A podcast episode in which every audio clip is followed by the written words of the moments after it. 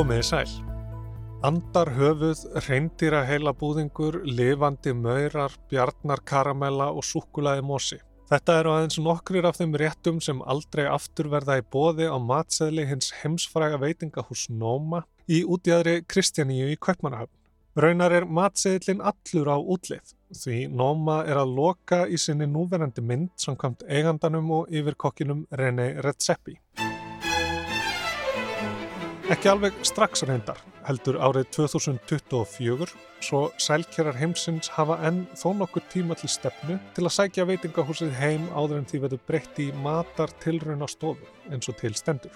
Í tvo áratugji hafa Noma og René Redzepi verið leiðandi í svo kallari ný norrætni matargerð sem gengur út á að nota norræn ráefni til að tjá hreinleika, ferskleika og einfaldleika svæðisins. Frá stopnun árið 2003 hefur Noma vakið heims aðtegli fyrir nýstárlega nálgun og aðferðir og komið kaupmannahöfn á kortið sem einum helsta matar áfangastað í heimi á parið við reysa eins og New York og Paris.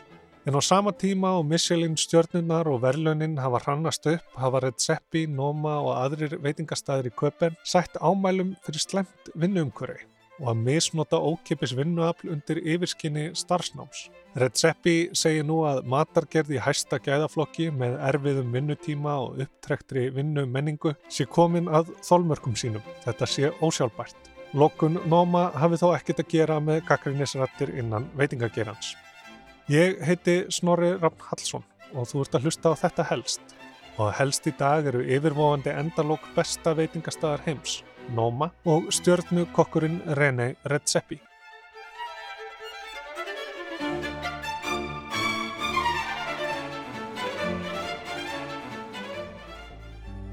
For me, cooking is, uh, is something that's completely transparent and without pretense, that's honest and generous, and that has something true and original to it.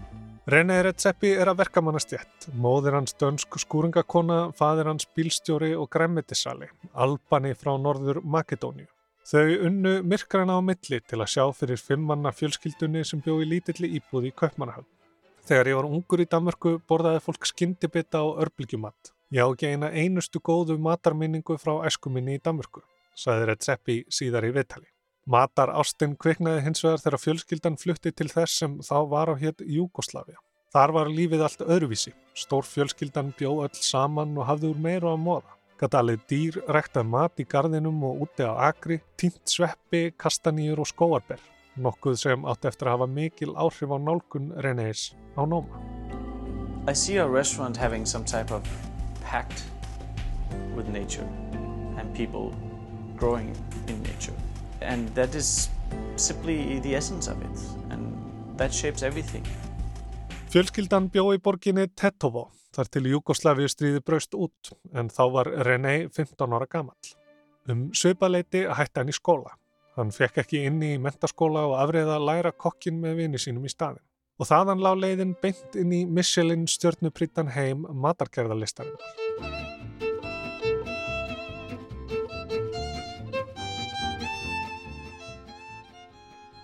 Í fjögur ár vann Redzepi á franska veitingastæðnum Pierre André í Kaupmannahöfn.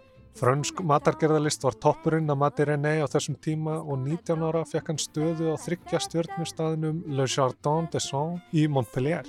Þar beigð hann þó ekki svo fullkomnun fullkomnunarinnar sem hann hefði gert sér í hugalund. Síður en svo, sagði René. Það var þrúandi stemning, enginn samvinna, allir ólíku hlutarnir unnu gegn hvorum öðrum. Ég var 19, þetta var eins og í hernum. En René varð fyrir uppljómun þegar hann heimsótti staðin El Bulli á Spáni sem var þekktur fyrir móterníska matagerð.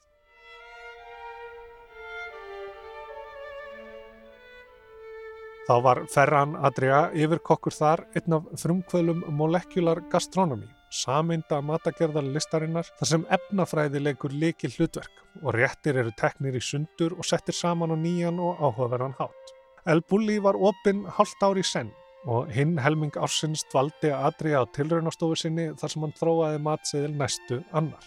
Og René vann eina önn á staðnum en snýri svo aftur til Kaupmannahafnar þar sem hann vann á kjallara hans konungs, fyrsta missilinstað Kaupmannahafnar. Stóra tækifæri René kom svo 2002 þegar frumkvöðlinn og kokkurinn Klaus Mayer hafði samband við hinn 24 ára upprennandi kokk. Mæjar hafi verið bóðið að opna veitingastað í Norður Allandshúsi við Kristjánshafn. Húsið er gömul vörugemsla sem nú hýsir meðal annars sendir á Íslands í Danmörku. René hafði hafnað þó nokkrum tilbóðum um yfir kokkstöðu. Hann vildi ekki taka við eldúsi einhvers annars heldur skapa sitt eigið.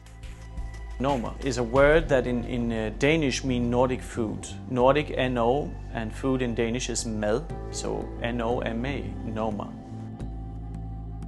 We had a long-term dream, which I really honestly only thought could be a dream, that this term, a Nordic cuisine, could be something that was known in gastronomical levels, and perhaps the extreme dream that one day it could be used as a gastronomical term. Noma stendur fyrir nordisk með norrætt matur, en fyrstum sinn var maturinn á Noma í grunninn franskur með skandinaviskum ráefnum og áhrifum. Þó við höfum fengið Michelin stjórnu fyrsta árið fannst mér eins og við værum að svíkja fólk. Við snertum ekki áneinu nýju, sagði René síðar. En í nóvember 2004 buður Redzepi og Mæger kokkum frá Norðurlöndunum að koma til Kaupmannahafnar til að ræða hvernig best mætti þróa það sem er kölluð ný norræna matargerð. Útkoman var stefnu yfirlýsing í tíu liðum sem leggur áherslu á staðbundin og árstíðabundin ráefni. Sjálfberðni og virðing fyrir ráefni og hefðum er í fyrirrúmi en einnig tilraunamennska og nýsköpun. Burt með fói gra inn með reyndiramósa. Nóma varð fljóttu brautriðjandi og flagskip þessarar stefnu. Ráefnið var sótt í nær umhverfið að rektað á staðnum og um tíma virtist sem hver einasti matarbladamaður í heimi hefði skrifað grein undir fyrirsögninni Ég fór að leita ætis með René Redzepi.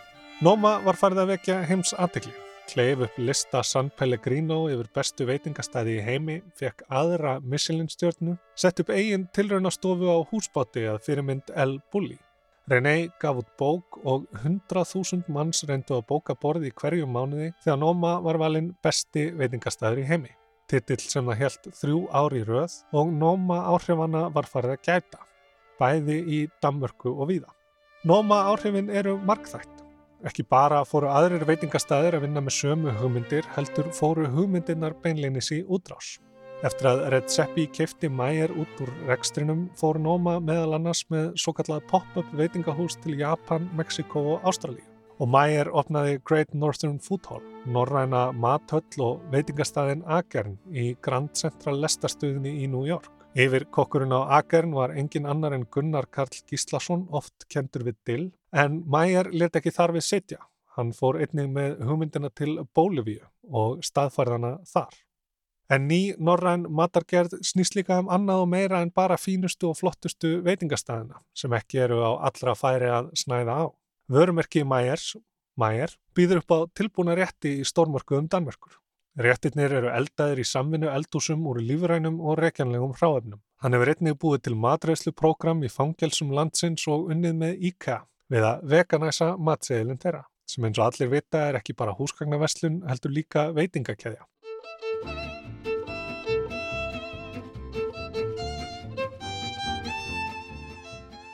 Á meðan hefur Red Seppi haldið ráðstefnur og breytt út bóðskapin en nóma áhrifana gætir líklega hverki meira inn í veitingageiranum í Kaupmannahöfn. Eins og ég sæði hér í upphafi kom nóma borginni á kortið sem einum helsta mataráfangastað heims. Þriðið ég hver ferðamæður í Kaupen nefnir matarmenninguna sem eina af ástæðum þess að þeir sækja borginna heim. Og þó pilsurnar á Steff Húlberg pilsuvögnunum, kebab, pizza og smörrebröð séu vissulega allt herramannsmatur, er það ekki endilega það sem ferðamennir eiga við. Og ekki komast þeir allir fyrir á nóma sem tekur einungisum 40-50 manns í sæti.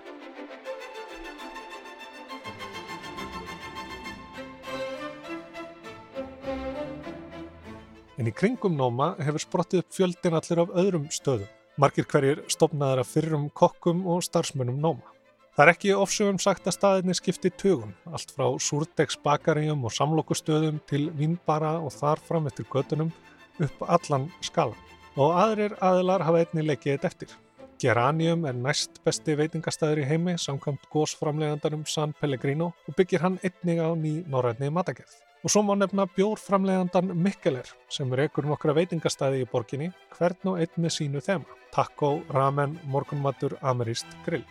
Ekki bara síndu Mæger, Redzepi og Noma að hægt væri að opna staði í borginni sem vinna með matarmenningu landsins, heldur hefur Noma stimpindlinn einnig opnað dyr kokkað fjármagni og öðrum tækifærum. Og oft hafa þeir Redzepi og Mæger sjálfur sett fjármagni í staðina og eru því áhrifamiklir í senunni. En það er ekki bara matargestir hvaðan æfa aður í heiminum sem sækja borgina heim vegna Noma, Geranium og annara veitingastaða. Þangað leita líka fjölmarkir kokkar til að öðlast reynslu og fá ný tækifæri.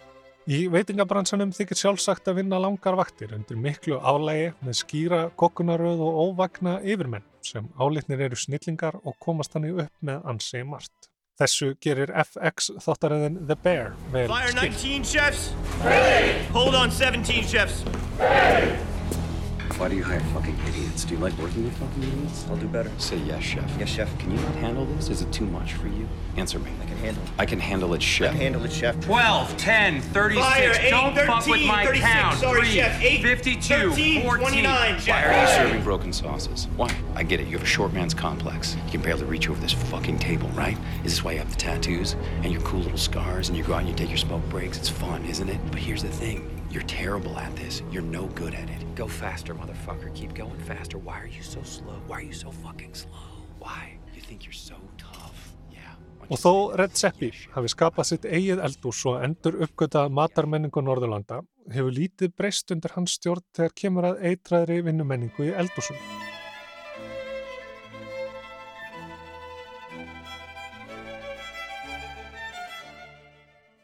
Hann hefur sjálfur gengist við því að hafa verið skrimsli við starfsfólk sitt, en undan farin ár hefur hann að eigin sögn lagst í mikla sjálfsvinnu til að bæta á því.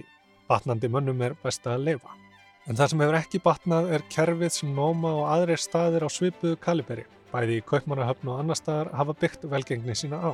Þessi fína matargerðarlist krefst nefnilega gífurlegs tíma og vinnuafls. Vinnuafls sem í helmingi tilfella þegar kemur að Nóma er ólaunað. Dæmi er um að kokkar hafi selt allar eigur sínar til að fjármagna þryggja mánuða dvöl í Kaupmannahöfn til að vinna launalaust á Nóma og sinnt þar einu endurtekningarsömu verkefni allan tíman.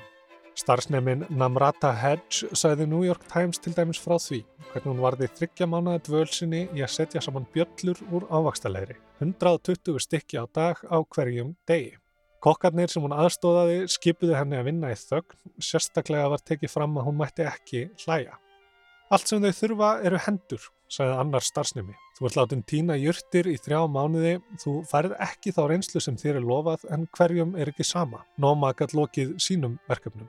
Þetta er ekki einstæmi og aðgerðasinnin Lisa Lind Dunbar sem starfað hefur í veitingagerinum í Kaupmannahöfnum árabil hefur frá því COVID skall á vakið aðtikli á slæmri meðferð á starfsfólki í bransanum. Dunbar segir eitrað andrumslofti ríkja, svo gott sem allstaðar og að þögult samkomulag ríki millir nóma og fyrrum starfsmanna sem komu í vekk fyrir að tala sig um vinnuaðstæður og kynferðislega áreitni. Margir kokkar séu einnig háðir vinnuveitanda sínum hvað var þar landvistarleifi og flóknar reglur að verkum að auðvelt sé að misnota á. Kokkar sem koma utan Evrópusambandsins séu rukkaðir 20.000 á mánuði fyrir starfsmannamat sem evrópskir kollegar þeirra fá ókipis.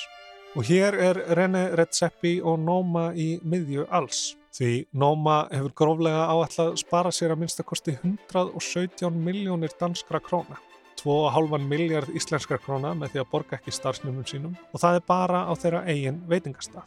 En það vekur því vitaskuld aðtikli þegar eitt frægasti kokkur heims á heimsins besta veitingastað þar sem matsiðillin kostar 60.000 krónur segir að dæmið gangi ekki upp og kýsa loka veitingastaðnum sínum með tveggja ára fyrirvara. Á hennum fullkomna veitingastað myndi fólk vinna fjóra daga vikunar, vera valdeflt, örugt og skapandi, sagði nei nei. Vandamálið sé hvernig hægt er að borga þeim nóg til að hafa efni á börnum, bíl og húsi í útkverfum. Árið 2024 lokar Nóma veitingasalunum og opnar matartilraunastofu með 60-70 starfsmönnum í fullu starfi.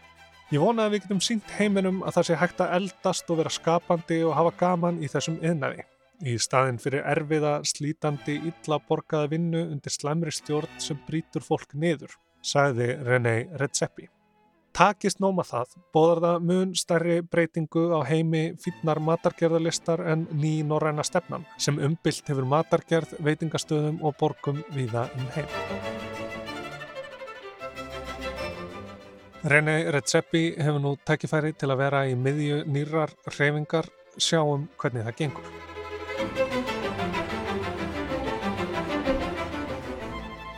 Þetta var helst að fyrirhauðar í lokun veitingahúsins Noma í Kaupmannahöfn og yfir kokkinum René Redzepi. Ég heiti Snorri Rafn Hallsson og þakka á hernina.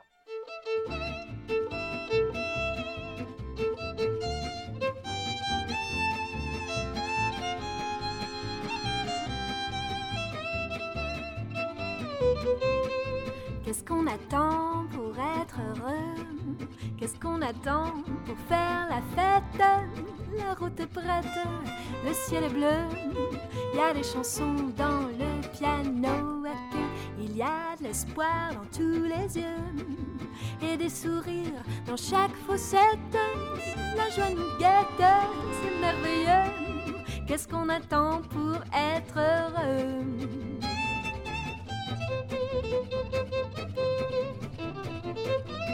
Qu'est-ce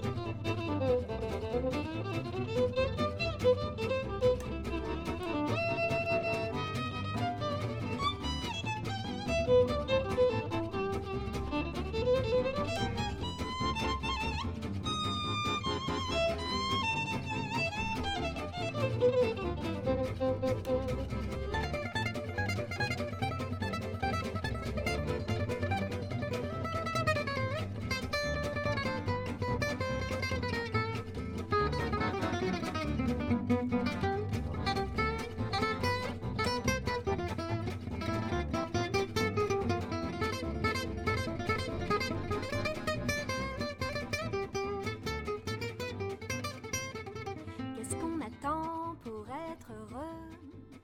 qu'on attend.